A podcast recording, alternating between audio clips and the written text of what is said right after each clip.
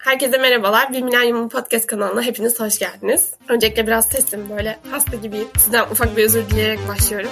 Sweet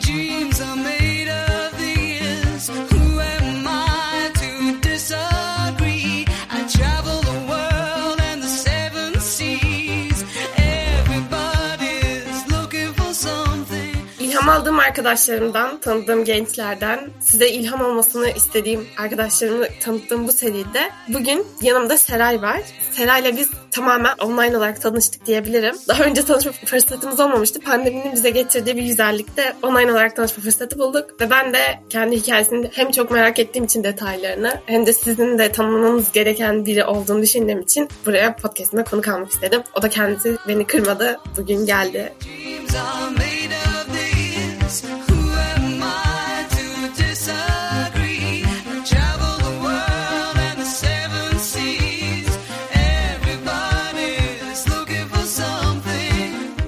Selam Seren, nasılsın? Merhaba, çok teşekkür ederim öncelikle. Beni burada görmek istediğin için çok teşekkür ederim. İlham almış olman beni çok mutlu etti, çok sevindirdi. Ben iyiyim, sen nasılsın? Ben de iyiyim, çok teşekkürler. O zaman sen istersen kendini tanıt. Hangi okulda okuyorsun, ne yapıyorsun, ne ediyorsun? Biraz onlardan bahsedelim. Tamamdır. Ben Sera, Yıldız Teknik Üniversitesi'ndeyim. Canan'la aynı okuldayım. ben matematik mühendisi 4. sınıftayım şu anda. Okul dışında da aynı zamanda Akbank'ta part-time olarak pazarlama takımının asistanlığını yapıyorum ve uğraştığım bir iki bir şey var zaten bunlardan hep beraber bahsedeceğiz. Bursa'da aslında Uludağ Üniversitesi'nde okuyordun. Sonra bizim okula geçtin. O geçiş hikayesini çok merak ediyorum. Neden, nasıl oldu? Tabii şöyle ben aslında YGS, LYS sonucunda ne yapacağını bilmeyen o gençlerden biriydim aslında. Hala %100 emin değilim ama en azından yolumu çizebildiğime inanıyorum şimdilik. O zamanlarda Bursa Uludağ Üniversitesi'nde endüstri mühendisliği kazandım. Çünkü onu yazma sebebim de zaten her şeyi yapabilecek oluşumda oradan çıkınca. Dediğim gibi ne istediğimi bilmediğim için kendimi geniş bir alana yönlendirdim. İki sene sonunda ben finallere çalışırken böyle duygusal olarak yoğun ve zorlu bir seneden sonra Bursa'da finallere çalışırken imalat yöntemleri diye bir dersimiz vardı. Ve bu iki kredilik benim çok canımı sıkan ve makine mühendisliğine ait olduğunu düşündüğüm bir dersti.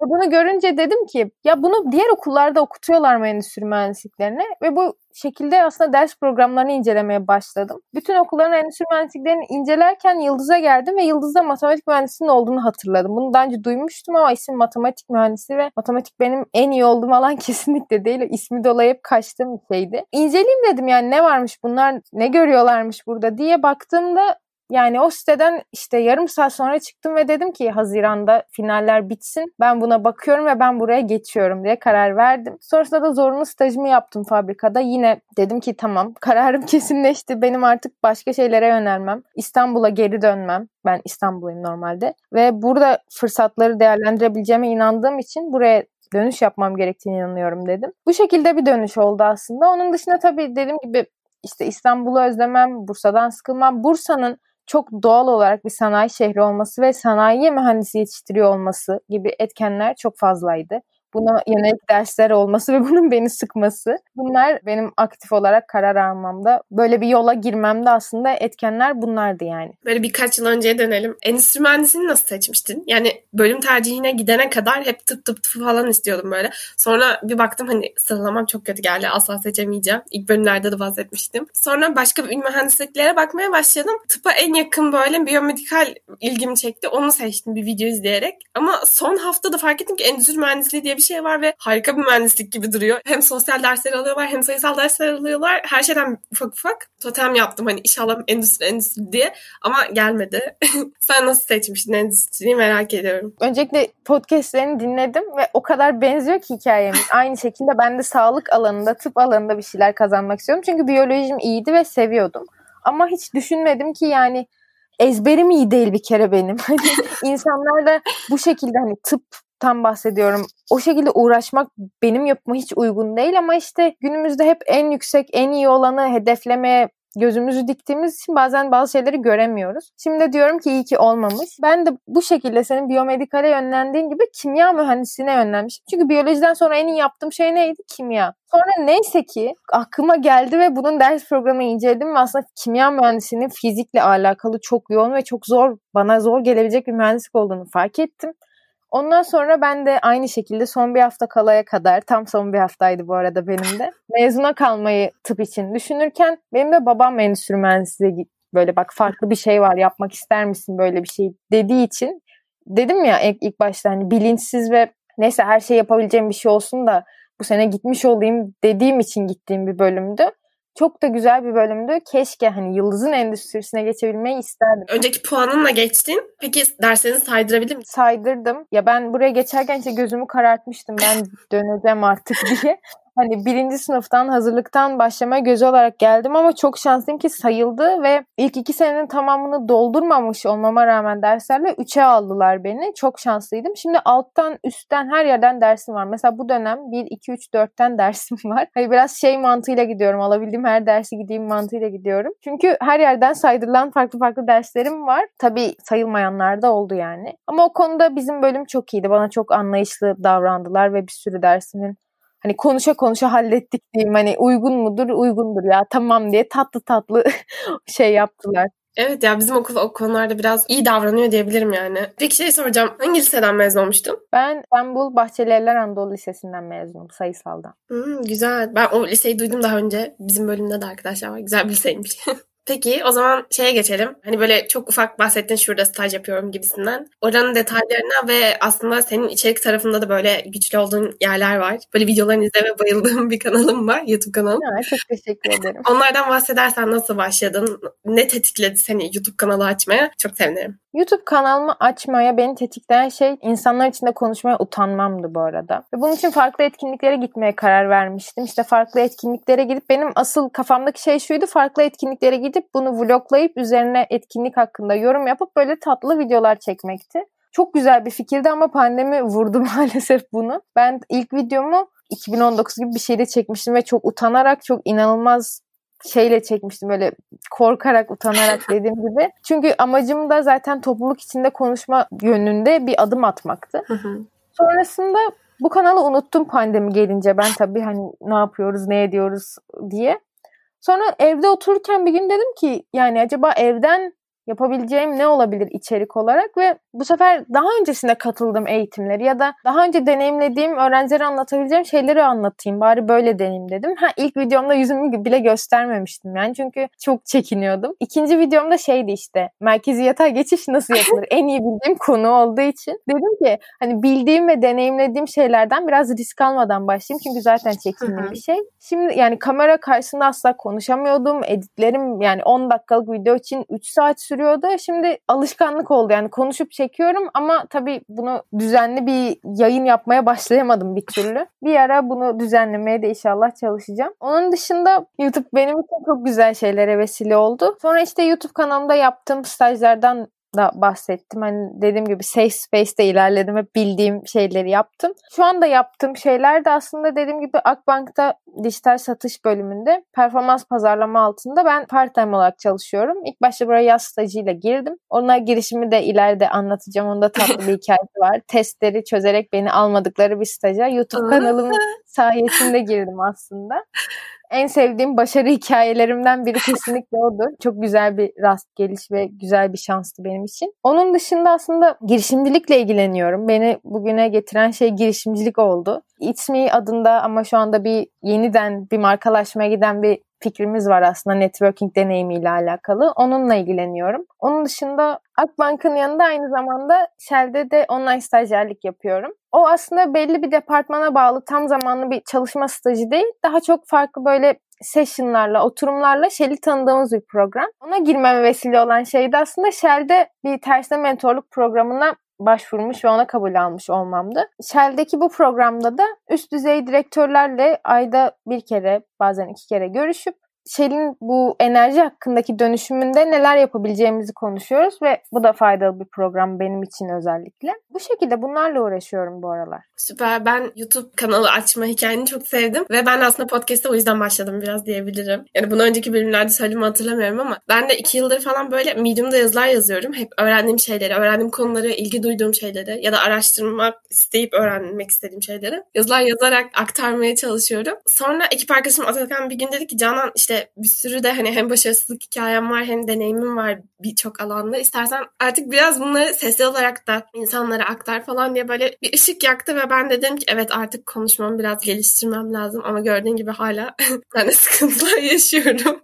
O yüzden benzer şeylermiş. Ben şey soracağım. Hem Akbank'ta yaptığın stajdan bahsettin hem Shell'de yaptığın stajdan bahsettin. Onların detaylarına hani nasıl olduğuna biraz ineriz ilerleyen sonlarda ama önden bunları nasıl, nereden bulduğunu sormak istiyorum. Hani hangi platformdan buldun? Oralardan biraz bahsedebilirsen süper olur. Tersine mentorluk aslında UTOL'da, UTOL'da bir şey sitesi aslında gençler için staj ve kariyer sitesi. Küçük bir kariyer net diyebilirim. Takip edebilirsiniz bu arada çok. Benim çok faydalandığım bir platform UTOL. Orada aslında normal ilanı çıkmıştı ve Shell açıkçası çok üst düzey okullardan alım yapan bir firma genel olarak benim gördüğüm. Stajyer arkadaşlarımda da bunu görüyorum ama iletişim olarak sanırım mülakatta da güzel bir iletişim kurduk. İlayda Hanım kendisi de çok tatlı oranın İK çalışanlarından biri. Oraya aslında öyle normal bir şekilde başvurarak girdim ama Akbank'a girişimin hikayesi çok güzel. Bunu da anlatmak istiyorum. Dediğim gibi YouTube benim için farklı şeylere, mecralara, farklı yerlere girmemde çok büyük bir etken oldu. Şöyle ben aslında Yetken adında bir eğitim var. Anladığım kadarıyla sen de geçen sene girmişsin Yetken'e.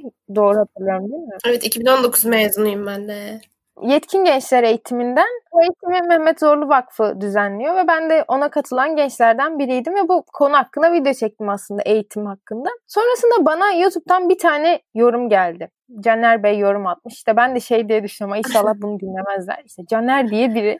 Seray senle nerede iletişime geçebiliriz yazmış. Tamam ben kişisel hesabından yazmış. Dedim kendi kendime hani yani Türkiye'de yaşıyoruz. Hani böyle şey oldum. Huzursuz oldum. Dedim ki yani versem mi bilgi neyse dedim. Çok e-mail adresim var. Onu atayım dedim attım ve Caner Bey bana Akbank'ın böyle e, kurumsal mailiyle Seray senle tanışmak istiyoruz. Seninle bir toplantı ayarlayabilir miyiz dediğinde ben dedim ki Allah'ım teşekkür ederim. O yorumu atlamama izin vermediğin için çok teşekkür ederim. Çünkü dedim ya ben normalde de hiç sevmem böyle tanımadığım insanların bana sosyal medyadan yaklaşmasını bu şekilde. Sonrasında tanıştığım kişiler yani Funda Hanım, Selda Hanım bunlar Akbank'ın İK direktörleri ve Akbank Akademi'nin başındaki kişi Selda Hanım da hani çok şaşırdım. Gençlere ve gençlerin fikirlerine önem verdikleri için ben de bu videoyu paylaştım YouTube'da, LinkedIn'de. Bunları gördükleri için benimle tanışmak istemişler. Sanırım hani konuşmamı ve yani iletişim becerilerimi de beğenmişler ve benimle bu şekilde tanışmak istediler. Ben şok oldum zaten. Böyle kurumsal bir firmanın bunu yapmasına ama çok da mutlu oldum. Sonrasında da ben başka bir bankada staj ararken, daha doğrusu başka bir bankada staja girmeye çalışırken bir problem yaşadım ve LinkedIn'e bir tane post attım. Hı-hı. Dedim ki şu şu bankada çalışan İK'da biri var mı yardımcı olabilir misiniz diye. Bu arada Akbank'la görüştük. Hani o bitti. Ben onlardan öyle bir şey ricada bulunmadım. Funda Hanım beni aradı ertesi gün. Dedi ki Seray sen staj yapmak mı istiyorsun? Dedim evet Funda Hanım. Dedi ki e, gel de yap. Dedim tamam. Seve seve. Yeter ki bana söyleyin. Yani aslında öyle şeylerde çekingen olmamak lazım. Ben Hı-hı. Haziran'da tanıştığımızda da belki bunu söyleseydim onlar bunu okeydiler ama biraz şey oldum hani zoraki ya da emrivaki yapmak istememiştim ama demek ki öyle olmazmış. Hani bazen de biraz daha atılgan olmak, sormak, utanmamak gerekiyor. Neyse ki benim şansım yaver gitti de Funda Hanım o postu gördü ve dedi hani sana ayarlayalım istedim bir yerde diye. Bu şekilde hani ben bir de hemen bunu söyleyeyim. Akbank'ın normal stajyer seçimlerine işte normal stajyer alımları zamanında başvurduğumda hiçbir aşamaya alınmadan reddedildim. Aa. Nisan ayında. Peki ona da Yutal üzerinden mi başvurmuştun? Yok. Akbank'ın kendi sistemi ha, var. Evet evet. Tamam. Ondan başvurmuştum. Hiç hani genel yetenek testi falan gönderilir ya İngilizce testi. Evet. Hiçbir şey göndermediler. Onları da bunun tribüne attım attım. şey, İK'ya konuşurken çünkü ilk konuştuğumuzda hani bir beklentim yok ve bir şey yap benim için böyle bir şey yapacaklarını düşünmediğim için şey dedim ya dedim siz de beni hiç almadınız. Onlar da dediler hani tabii durumlar Seraycığım hani belli olmaz işte kontenjan falan tabii güldüm tabii ki dedim yani haklısınız yani ben kimim gitmişim kadına şey söylüyorum. beni neden almadın? Ama demek ki bazen de olacağı varsa oluyor. Evet ya süper bir hikayeymiş ya bayıldım yani o günden beri insanları LinkedIn'e itmeye ve içerik üretmeye itmeye çalışıyorum. Çünkü benim hayatımı kurtardı yani. Orada stajım böyle başladı. Onlar benim pazarlamayla ilgilendiğimi bildikleri için beni performans pazarlama bölümüne almayı teklif etti Funda Hanım. Ben de dedim tabii ki. Yani ne derse tamam diyecektim zaten. ne olur. Çünkü staj bulamamışım. İstediğim alan ve okuduğum şey çok farklı. Bundan da bahsedeceğiz muhtemelen. Burada staja girmem çok zordu. Sağ olsun benim istediğim şeyde beni e, yerleştirdiler. Şu anda da ekibimle de çok mutluyum. Bir ay zaten staj, bir ay yaz stajım bitti. Ve bu sefer dedim ki artık atılgan olma sırası sende. Ben düzeleceğim. ben yazdım artık. Dedim ki ya part time çalışan alıyor musunuz? Hani nasıl bu işler nasıl yürüyor gibi böyle hafif bir şey yaptım.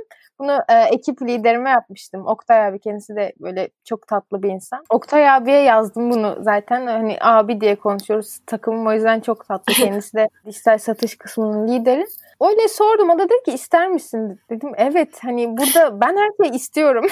Siz bana sormayın bile. O da bu şekilde ayarlandı. Şimdi haftada iki gün işte derslerime çok mani olmayacak şekilde devam ediyorum. Benim için çok farklı, çok güzel bir deneyim açıkçası. Ki giriş hikayem bile zaten o kadar tatlı yani içeriği tahmin edebilirsiniz bence. Yine böyle öğretici, eğitici, benim üstüme düştükleri sağ olsunlar. Güzel bir ortam var. Orada bu şekilde ilerliyorum. Şu ana kadar yaptığın pek çok staj olduğunu gördüm ben LinkedIn'de. Hem onlardan ufak ufak bahsedip hem de bu son staj deneyimde yani Akbank'ta ekipte neler yapıyorsun? Seni ne yönde geliştirdiğinden bahsedebilirsen çok sevinirim. Şöyle başlayayım. Uludağ Üniversitesi'ndeyken ben daha birinci sınıfın sonunda hangi üniversite hangi bölüm.com isminde bir sitede yazarlık yapmaya başladım. Üniversite ve lise öğrencilerine yönelik yazılar yazıyordum haftada bir ve 8 ay boyunca yani her hafta bir yazı aksatmadan yazdım. Onun dışında Uludağ Endüstri Mühendisliği toplumunda da aktif görev aldım 2 sene boyunca. Ve bunları yaparken de tabii o bahsettiğim harika staj deneyimim oldu fabrikada geçen.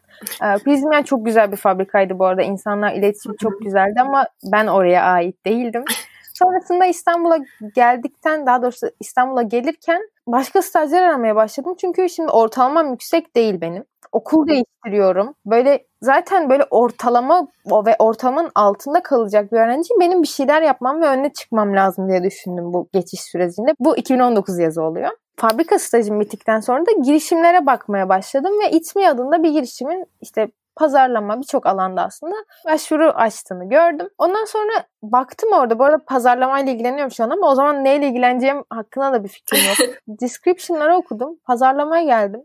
Ya ben bunu yaparım herhalde dedim. Ya benim işte böyle çok şansa gidiyor yani. Hep Şansa emin falan. olmadığım. Valla yani emin olmadığım şeyler çoğu ama işte adım atmaktan korkmadım. Kendimi o yönde biraz takdir ediyorum. hani emin olmasam da hani en kötü olabilecek şey olmayacak. Bir iki ay uğraşacağım sonra ayrılacağım olarak baktığım için. Ve girişimcilikle de aslında İsmi'yle tanıştım. Oraya alındıktan sonra girişimcilik nedir, girişim nedir, siz burada ne yapıyorsunuz, neler oluyor, ben ne yapacağım sorularıyla beraber çok güzel bir maceraya başladım. Bu macera bir senedir sürüyor bu arada. Başta bahsettiğim girişimde buydu Hı-hı. zaten. Orası benim hayatımı değiştirdi. Oraya girdikten hemen sonra da IAB Türkiye'nin Uni Challenge Tech isimli dijital pazarlama kampına katıldım ve orada da dedim ki tamam ben gerçekten bunu istiyormuşum. Benim ilgilendiğim şey buymuş. Çok güzel bir, bir hafta geçirdim Boğaziçi'nde. Şimdi bu etkinlik bu sene 2-3 kere düzenlendi IAB tarafından ama online'da. Yani o Boğaziçi'nin ver, çimlerinin verdiği zevki sanmıyorum alındığını harika bir deneyimdi benim için. Tabii bu kadar güzel geçen deneyimden sonra daha çok ders aldığım, daha zorlandığım deneyimlerim de oldu interestingengineering.com diye bir sitede İngilizce e, içerik yazarlığına başladım. O zamanlar içerik yazmakla çok ilgileniyordum bu arada. Şimdilerde o kadar yani o kadar odaklanmak istediğim bir alan değil. İngilizce ve mühendisliğe yönelik yazılar yazdığım için biraz zorlandım ve orayla yollarımızı ayırmak zorunda kaldım. Okulumdan dolayı da zorlanıyordum açıkçası. Ve bu beni biraz modumu düşürmüştü yani. O zaman dedim ki her şey güzel gidiyor. Giderken bir anda yere çakılınca biraz üzülmüştüm açıkçası. Sonrasında bir okula bir bakayım dedim yani bayağı kolumu açıkçası aksatıyordum. Benim için bu zor bir denge bu arada mesela çok zorlandığım bir şeydir. Staj ve şu anda da staj ve okulu aynı anda götürmek. Hele o zaman online'deyken aşırı zordu benim için. Ondan sonra yarı yıl tatilinde de bir aylığına Angel Effect'te Business Development iş geliştirme stajyerliği yaptım. Orada okul başladığı zaman bırakmak durumunda kaldım derslerimden dolayı ama orada mesela iş geliştirmenin ne olduğunu, girişimlerin yine ne olduğunu, Angel Effect bu arada bir melek yatırım ağı şirketi. Girişimlerle iyice içli dışlı olduğum için bana çok şey katan bir yerde hani bir ay olmasına rağmen ve güzel Excel kullanmayı öğrendim orada. Benim için çok büyük bir artıdır bu. Sonrasında yarı yıl tatili bitince dedim ki sen okuluna odaklan sen ikisinden bir arada çok kolay yapamıyorsun. Tam okuluma odaklanayım derken karantina günleri geldi. burada zaten dediğim gibi YouTube'a başladım. Farklı şeylerle uğraşmaya başlamışken tabii okulun zorunlu stajı da var. Bir yandan matematik mühendisi okuyorum. Servis Soft'ta bu da bir girişimdi ve Servis Soft'ta ürün yönetimi stajyerliğine başladım. Ve Temmuz'da Akbank'tan bu harika teklifi alana kadar oraya iki ay, iki, iki buçuk aydı sanırım devam ettim. Dünden bugüne özet bu şekilde aslında. Bunlar olurken farklı eğitimlere katıldım. Yetgen'e katıldım. Dediğim gibi farklı kamplara katıldım. Onun dışında Arya'ya katıldım. Arya'da da seninle beraberiz. Orada çok aktif olamasam da en azından etkinliklerine katılmaya çalışıyorum. Bu şekilde bunları yaptım. Akbank'ta şu an yaptığım şeylerse aslında biraz da ekibe destek veriyorum diyebilirim. Dinamik bir ekip var orada. Yani bayağı bir ödüller toplandı. Sanırım bu sene sonunda ödüller veriliyor. Sayamadım ben çok fazla ödül aldılar. Buradan tekrar kutluyorum onları.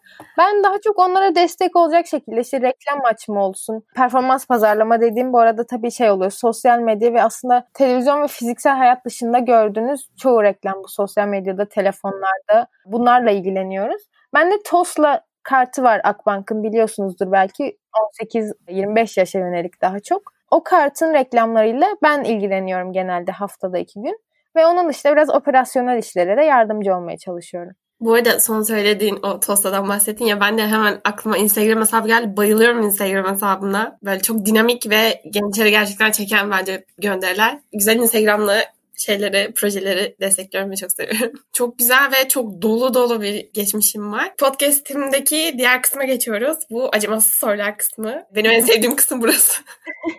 Çok iyi. Hemen hız kesmeden birinci soruna başlıyorum. Şu an matematik mühendisliği okuyorsun. Yazılım odaklı bir bölüm. Başka arkadaşlarım da okuyorlar ve hani çok fazla yazılım ödevleri oluyor diye biliyorum. Endüstri mühendisinden matematik mühendisliğine geçtin. Ama şu an yine pazarlama alanında staj yapıyorsun. ya bundan aslında buna ilgin olduğundan bahsetmiştin önceki soruları cevaplarken ama bunun tam olarak başka bir sebebi var mı? Nedir? Yani mutlu olmaman mı merak ediyorum. Bunu böyle okuyunca ben de kendi kendime diyorum ki cidden yani neden bunu yaptın diye. sesli olarak dile getirince bu gerçekten çok ilginç duruyor. Ya şöyle benim matematik mühendisliğine geçişimdeki biraz motivasyon şeydi oradaki eğitimden memnun değildim ve burası biraz daha yazılıma yönelik eğitim veriyor dediğin gibi. Ve ben yazılımı öğrenmek istiyorum. Ama yazılımı öğrenme sebebim yazılımcı olmak değil, bu pazarlama ve iletişim yönümü yazılımla birleştirebilmek ve bunun ileride çok güçlü ve önemli bir şey olacağına inanıyorum. Bundan dolayı aslında matematik mühendisliğine geçtim. Artı, şimdi küçük bir itiraf, hani endüstri mühendisliğine geçemiyorum. En yakını da benim istediğim tarzı en yakın endüstri matematik mühendisliğiydi. Bu yüzden aslında bu ilginç üçlü ortaya çıkıyor. Ben bayıldım bu arada cevabına. Bence çok güzel. Şey noktasına değinmen güzel yani. Ben hani yazılımı öğreniyorum ama sadece yazılımcı olmak için değil. İlgi alanlarımla bu yazılım bilgimi evet, evet. harmanlayarak bir şey üretmek. O zaman hemen ikinci soruya geçiyorum. Bir sürü deneyimden bahsettin. Şu an aynı zamanda yürüttüğün farklı farklı projeler olduğundan bahsettin. Benim merak ettiğim şey bu kadar çok işle meşgul olman, bu kadar çok tarafla ilgileniyor olman senin kendi kişisel gelişimini negatif etkilediğini düşünüyor musun? Kesinlikle negatif etkilediği zamanlar oldu. Çünkü insanlarla iletişimimi etkiliyor bu. Hani azalıyor çünkü bir de şimdi hayatın, iş hayatının online olması demek bilgisayara kilitlenmek, Aynen. o zaman kilitlenmek demek. Bu açıdan beni tabii ki yordu ve negatif etkilediği zamanlar çok oldu. Bu yaptığım şeylerin başka insanlar tarafından böyle takdir edilmesi de beni iyi hissettiriyor. Şimdi ne yalan söyleyeyim. Hani tabii ki insanın kendi değeri kesinlikle kendisi belirlemeli ve yaptığı işlerle bunun ölçülmediğini hani hepimiz biliyoruz. Ama genel olarak bu yaptığım şeylerin bir amaca hizmet ettiğini bildiğim için hani bugün yoruluyor olmanın yarın bana bir şeyler getireceğini bildiğim için bu şekilde kendimi avutuyorum aslında ve bir şeylerle meşgul olmadığım zaman Bunları özlediğim için kendimi meşgul tutmayı seviyorum ama kesinlikle negatif etkilediği oldu. Hani bazen arkadaşlarımla konuşurken şey de duyuyorum. Hani sen 21 yaşındasın biraz sakin ol ve çok haklılar. Her yaşın kendine özel, kendine göre güzellikleri oluyor. Buna göre davranmak da önemli. O yüzden bazen çok yük aldığımda mesela geçtiğimiz ay gibi bunlar böyle yoğun yoğun anlattım ya. Evet. Hani pandemi olmasaydı zaten bunları yapamazdım. Bazı şeyleri bırakmak durumunda kaldım. Yani kendi sağlığım için, mental sağlığım için kesinlikle bazı şeylerden vazgeçmem gerekiyordu ama insan biraz şeye de giriyor. Ne kadar çok yaptıkça bir şeyleri böyle biraz daha başarayım, biraz daha, evet. biraz daha diye ve bu insanı çok kötü etkileyen bir mentalite ve bundan çıktım diyemem hala. Hiç yalan söylemeyeceğim burada. Çıkmak için çok çabalıyorum. Hı hı. Günün sonunda dediğim gibi artı eksi de artı ağır basıyor ama eksiler de bayağı var bence. Süper bir yanıt verdin. Ya, o kadar güzel noktalara değindin ki. Zaten senin bir yazın vardı Medium'da. Çok beğendiğim ve direkt yorum yaptığım bir yazıydı.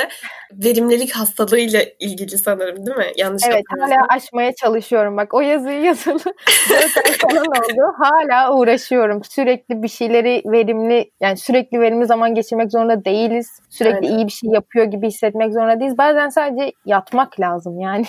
Ya da arkadaşlarınla kafede boş konuşman lazım. Bazen işte kaçırabiliyoruz şeyini gibi geliyor bana. Yaşın güzelliklerini, zamanın güzelliklerini. Evet.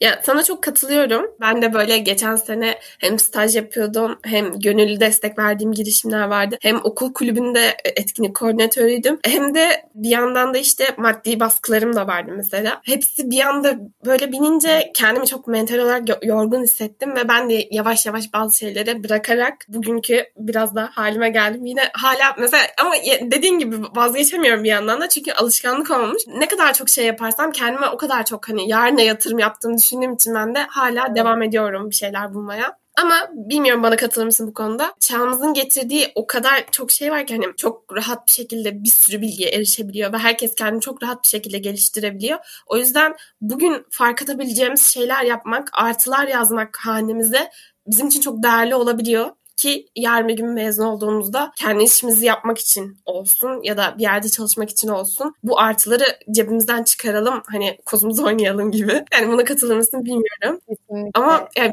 biraz bu duruma geldik. Ya maalesef bu duruma geldik. Çok doğru söylüyorsun. Keşke doğru olmasaydı.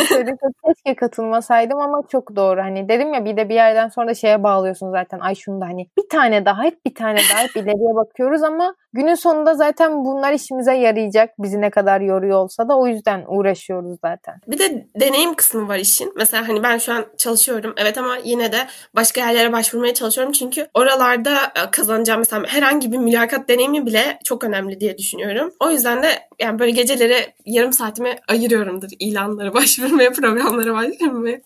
Ay evet başvurma hastalığı yani bilmiyorum ne yapacağız. Bende de var. O zaman diğer soruma geçiyorum hemen hızlıca. Şu an bir girişimde çalışıyorum ve hatta onun yenilenme sürecini beraber yürütüyoruz ekiple dedim. Peki girişimcilik senin için bir öğrencilik hevesi mi? Yoksa yarın bir gün mezun olduğunda ya da ilerleyen senelerde neler yapmayı planlıyorsun bu alanda merak ediyorum. Bunu aslında yani öğrencilik hevesi değil ama ne yapmak istediğime bu konuda emin değilim. Şimdi kurumsalı da çok kurumsal bir yerde çalışıyorum şu anda. Bir şey için izin almanın saatler sürdüğü hani veya bilgisayarımda mesela ben pazarlama yapıyorum. Sosyal medya pazarlaması ve benim sosyal medyaya erişimim olmalı ama bana verdikleri bilgisayar hani normal fix çalışan bilgisayarları sosyal medyaya kapalıdır ya. Öyle bir bilgisayar, öyle bir ortamdayım şu an. Öyle anlatayım.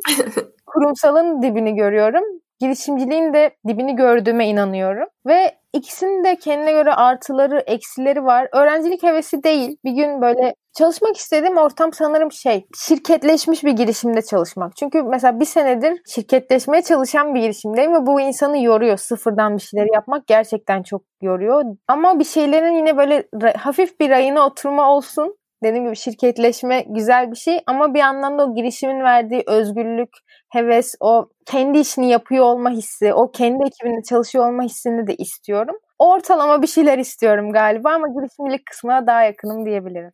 Süper. Bence çok güzel cevap verdin ve ya çok da yerinde bir cevap çünkü hep bize hani şey böyle mülakatlarda soruyor ya 5 yıl sonra kendini nerede görüyorsun falan. Yani tabii ki de bir yerde görüyorum. Tabii ki de bir şeyler başaracağımı inanıyorum ama net olarak orada olabileceğimi kimse hani bana garanti edemez. Yani pandemi çıkacağını hiç kimse bilmiyordu sonuçta. Yarın bir gün olacağını bilmiyoruz ama ek olarak şunu söyleyebilirim. Girişimcilik bakış açısını kazandığımızda zaten nerede çalıştığımızın bir önemi yok. O bakış açısıyla evet. güzel şeyler çıkarmak önemli. Acımasız sorulara çok tatlı cevaplar verdin Teray. Teşekkür ederim.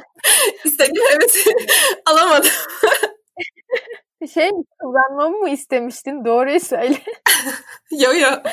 Güzel cevaplar verdin. Çok teşekkür ederim. Diğer kısma geçelim. Bugüne kadar soruları hazırlamıştım. Bu kısımda böyle şey çok merak ediyorum. Hani gerçekten senin hayatında dokunan neler olduğunu ve hani bunları böyle insanlara aktaralım istiyorum. O yüzden ilk soruma başlıyorum. Bugüne kadar ilk katılmışım dediğim bir deneyim. Bu bir staj olabilir, etkinlik de olabilir, hani bir girişimcilik programı da olabilir ya da kendim organize ettiğin bir etkinlik de olabilir. Her şey olabilir. Nedir senin için? Öncelikle ilk YouTube kanalı açmışım. Buna utanmamışım, çekinmemişim. Bu kesinlikle var. Ki bu hani Akbank'tan bağımsız olarak da iyi ki yapmışım dediğim bir şey. Benim için zor bir şey olduğundan iyi ki YouTube kanalımı açmaya cesaret etmişim. Bu var. Ki okul değiştirdim. bu var. Bu da bir deneyim değil ama bunları da küçük söylemiş olayım. Bunlar dışında aslında en büyük ilkim benim İTMI ve Yetken oldu. Yetken de İTMI de benim girişimcilik anlamında çok gözümü açan iki deneyim oldu. Yetken'e de aslında İTMI'den bir arkadaşım aracılığıyla katıldım. Ee, Yetken'in benim hayatımda önemi çok büyük etkisi çok büyük daha doğrusu. İTMI de beni böyle şeylere yönlendiren en büyük deneyimim hayatta tanıştığım insanlar ve onlar sayesinde katıldığım yerler, etkinlikler benim için bugün olduğum insan yapan kişi beni itmidir yani. O yüzden benim en büyük ilkim sanırım itmi. Harika ya çok sevindim. Çok güzel cevaplar verdin. Hazır burada İtni ile iyi ki tanışmışım, oradaki insanlarla iyi ki tanışmışım dedin ve ben de hani buna bağlı bir soru soracağım. Bugüne kadar iyi ki tanışmışım dediğin insanlar ya bu arkadaşların da olabilir, senin hayatına dokunan ya da senin gözünü açan herhangi bir böyle konuşmacı gibi bir şey de olabilir. Merak ediyorum bu kısımda. Bu da aslında bir önceki sorudaki insanlarla çok bağlantılı. Özgür, Özgür Olgun İTMİ'den. O benim yani şu ana kadarki gelişimimin en büyük neyi derler? Heykel tıraşı. neyi derler buna ya? Şairi mi? Çok şey edebi oldu. Mimar Sinan. Ama, mimarı evet mimarı aradım. aradım kelime mimardı. Özgür bugünkü beni ben yapan insanlardan biri. Kendisine çok teşekkür ediyorum. Böyle katıldığım her yerde ona teşekkür ediyorum bu arada. Benim için çok değerli bir insan ve çok değerli bir lider. Lider olmanın ne demek olduğunu bana öğreten kişi. Aynı zamanda Yetken'den liderim Umut da Umut Oflazoğlu. O da birçok konuda hem benim yanımda oldu birçok şeyi öğrenmemde yardımcı oldu ve arkadaş olarak da harika bir insan. Bu iki kişi benim hayatımda çok büyük yeri var ve bende kredileri çok fazla yani. Süper. Bence çok güzel. Zaten ben ikisini de böyle şey bireysel olarak da tanıyorum. Bence de harika insanlar. İyi ki karşılaşmışsınız ve iyi ki beraber güzel şeyler yapmışsınız. Hemen hız kesmeden bugüne kadar sorularımın sonuncusunu soruyorum. Bugüne kadar iyi ki geliştirmişim dediğin bir alan. Yani bu pazarlama da olabilir. Atıyorum etkili konuşma da olabilir. Her şey. Senin kendine göre iyi kilerin neler onları merak ediyorum. Benim kendimde gördüğüm en büyük yetkinlik ya da yetenek bilmiyorum. Bu biraz doğuştan geldiğine inanıyorum ben de iletişimimin güçlü olduğuna inanıyorum. Bu sayede birçok şey kazandım. Bu sayede birçok şey deneyimledim. Ve hani insanlarla bir araya gelmekten çok mutluluk duyuyorum. Topluluk önünde hala konuşamasam da benim için çok önemli, güzel yerlere gelmemi sağlayan hayatımda bir yetkinlik ve herkesin ihtiyacı olduğunu düşündüğüm bir yetkinlik iletişimin kuvvetli olması. Bence de güzel bir noktaya değindin. Güzel bir özellik ve tanıştığımız zamandan beri ben de iletişimine hayranım. Böyle çok sıcak birisin. Ben de senin bu alanını beğeniyorum. Bu alandaki yetkinliğini onaylıyorum. LinkedIn'de hemen oyla diyorum. LinkedIn'de onaylandı. Çok teşekkür ederim. Hazır böyle biraz eğlenmişken hemen hızlı sorulara geçelim diyorum. Hız kesmeden. İlk soruna başlayalım. Spotify mı Netflix mi? Spotify. Çok net burada. Evet Spotify. Instagram mı Twitter mı? Instagram. Ofiste fiziksel olarak çalışmak, okula fiziksel olarak gitmek mi yoksa bunların hepsini evden yapmak mı? Bu zor bir soru ya. Çok zor bir soru. Yani gönlüm fiziksel istiyor ama beynim diyor ki evden olmasaydı hiçbir şey yapamazdın bu şekilde. Beynimi dinleyeceğim sanırım. Hepsini evden yapmak diyorum. Süper. Benim de bedenim diyor bunu bu arada. evet. Okulum biraz uzakta. Yani okul bana biraz uzakta oturduğum yere. O yüzden böyle okula gitmek benim için biraz çileydi. Sabah çalışmak mı, akşam çalışmak mı? Şey diyeceğim, moduma göre çok şey olacak böyle. ya ben böyle kesin olarak sabah ya da işte gece, akşam insanı değilim ama seçmem gerekirse sabah derim ya. Sabah çalışıp akşam eğlenmeyi sevdiğim için hani yapayım da aklımdan çıksın tarzı bir insanım. O yüzden sabah çalışmak diyeceğim. Hani bunun verimlilikle bilgisi olmasını isterdim ama yok genel olarak sabah yapayım da sonra onu düşünmeyeyim diye düşünüyorum. Süper. Ben de yani buna karar veremiyorum sabah mı akşamcı mıyım ama ya genelde sabah işleri yapmak tabii ki de daha iyi ama akşama bıraktığım son dakikaya bıraktığımda çok oluyor. Evet, o da var tabii evet. Bu soru için biraz erken olduğunu düşünüyorum ve biraz e, ya önceki sorularda da hani buna yönelik cevaplar verdin ama yine de yazmışken sorayım. Girişimcilik mi kurumsalda çalışmak mı? Dediğim gibi biraz önce girişimciliğe daha yakın ama ortadayım. Ama girişimcilik diyeyim buna. İsminin gönlü olsun hadi. Hadi. Geldik sonlara doğru. Bence harika cevapların olduğu böyle çok dolu dolu bir bölüm oldu. Son sorularda da vereceğin cevapları çok merak ediyorum. Çünkü bunlar böyle benim aslında kişisel daha daha meraklarımdandı. Pandemiyle beraber her şey evden yapmaya başladık. Hiç dışarı çıkamıyoruz ve hani sosyalleşmeyi bile aslında Zoom'dan falan yapıyoruz. Benim merak ettiğim şey pandemi resmi olarak bittiğinde yapmayı en çok istediğin şey nedir? Yani en çok neyi yapmayı özlüyorsun ya da ne yapmak istiyorsun? Ya buna böyle çok güzel kurumsal bir cevap vermeyi isterdim ama ben bu değilim. Ben kesinlikle konsere gitmek istiyorum. İlk olarak insanlarla yakın olmam bir tehdit olmadığında ilk yapacağım şey konsere gitmek olacak. Ondan sonra fiziksel birçok etkinliğe katılmak istiyorum. Hani böyle Hı. ama hani sinema değil. Sinema da güzel de tabii.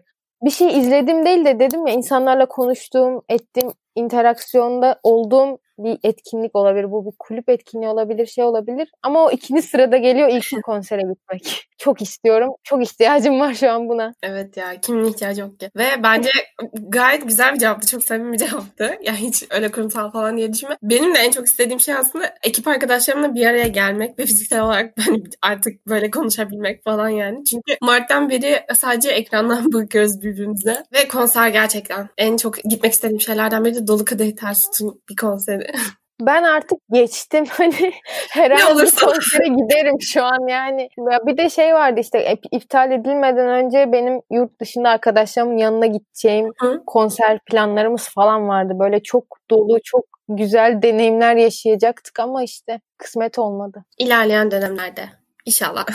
Peki şu an zaten bir şirkette çalışıyorsun ve çok mutlusun ekibinde bunu biliyorum hani söyledin. Ama yine de ileride bünyesinde bulunmak isteyebileceğin şirket ya da girişimler zaten bir girişimde de çalışıyorsun bu arada. Hani beraber yürütüyorsun sol tarafta. Böyle çok şey bir soru oldu bu. Sana sorulması gereken bir soruymuş. Ama şey olarak da cevaplayabilirsin bunu. O şirket kültür yapısı nedir senin için? Hani olmazsa olmazlar nelerdir gibi şeklinde de cevaplayabilirsin. Anladım. Böyle kesin bünyesinde bulunmak istiyorum dediğim bir şirket ya da girişim yok aslında ama daha önce dediğim gibi çok rahat ortamları da sevmiyorum ben çalışırken. Hani girişimlerde bulunduğum için bunu biraz gördüm. Çok çok rahata da gelemiyorum. Çünkü çalışma motivasyonum için biraz disipline ihtiyacım var benim açıkçası. Hani dışarıdan gelen bir disiplinle çok daha kaliteli çalışabiliyorum. Ama böyle bu klasik şey vardır ya işte plazanın 33. katında penceresi açılmayan bir ofiste de çalışmak tabii ki istemiyorum. Daha orta karar hani girişim kültürüne daha yakın hı hı. ama daha şirketleşmiş ve hani belli bir kültürü olması çok önemli bence çalıştığın yerin. Bunun yeni ya da eski olmasıyla alakası yok bu arada. Kesinlikle girdiğim yerlerde bunu gördüm. Ekiple çok alakası var. Güzel oturmuş ve özgür düşünebildiğim bir kültürü olan bir yerde çalışmak istiyorum. Süper. Bence zaten şey hani önceki sorularda da dedin ya bu ekipte hani tanıştığım insanlar beni çok motive etti. Çok şey öğrettiler bana gibi. O yüzden ekip uyumu da senin için çok önemli diye düşünüyorum. Ah, evet bak onu atladım. Kesinlikle bu da var. Aynen. Güzel. İnşallah mutlu olacaksın geleceklerde.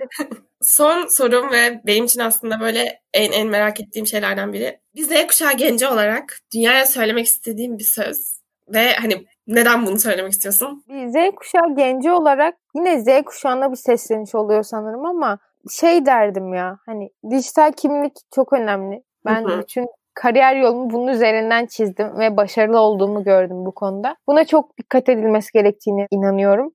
O yüzden dijital kimliğin her şey olduğunu söylerdim sanırım. Sera ben çok teşekkür ederim bugün bu saatlere kadar benimle güzel sohbeti muhabbeti yaptığın için ben hani sadece bir bölümden daha çok aslında hani hem seni tanıdım yakından hem de böyle çok eğlenceli eğlendiğim bir bölüm oldu. Tekrardan konuk olduğun için çok teşekkür ederim. Bölümü dinleyenler eğer sana ulaşmak isterse zaten bence ulaşabileceklerdir diye düşünüyorum. Ama sen yine de sosyal medya hesaplarını böyle hızlıca söylersen süper olur. Instagram'da SRYZTRK, Seray Öztürk'ün sessiz harfleri. LinkedIn'de de Seray Öztürk olarak bulabilirsiniz. YouTube'da aslında podcast'in altına link koyabiliyor muyuz? Çünkü evet evet koyuyoruz. Sadece Seray. ee, o yüzden sana genelde bulamıyor. Onun linkini koyarsak bana buralardan her zaman ulaşabilirsiniz. Ama yani şunu da söylemek gerekir ki YouTube'da bayağı izlenmem var.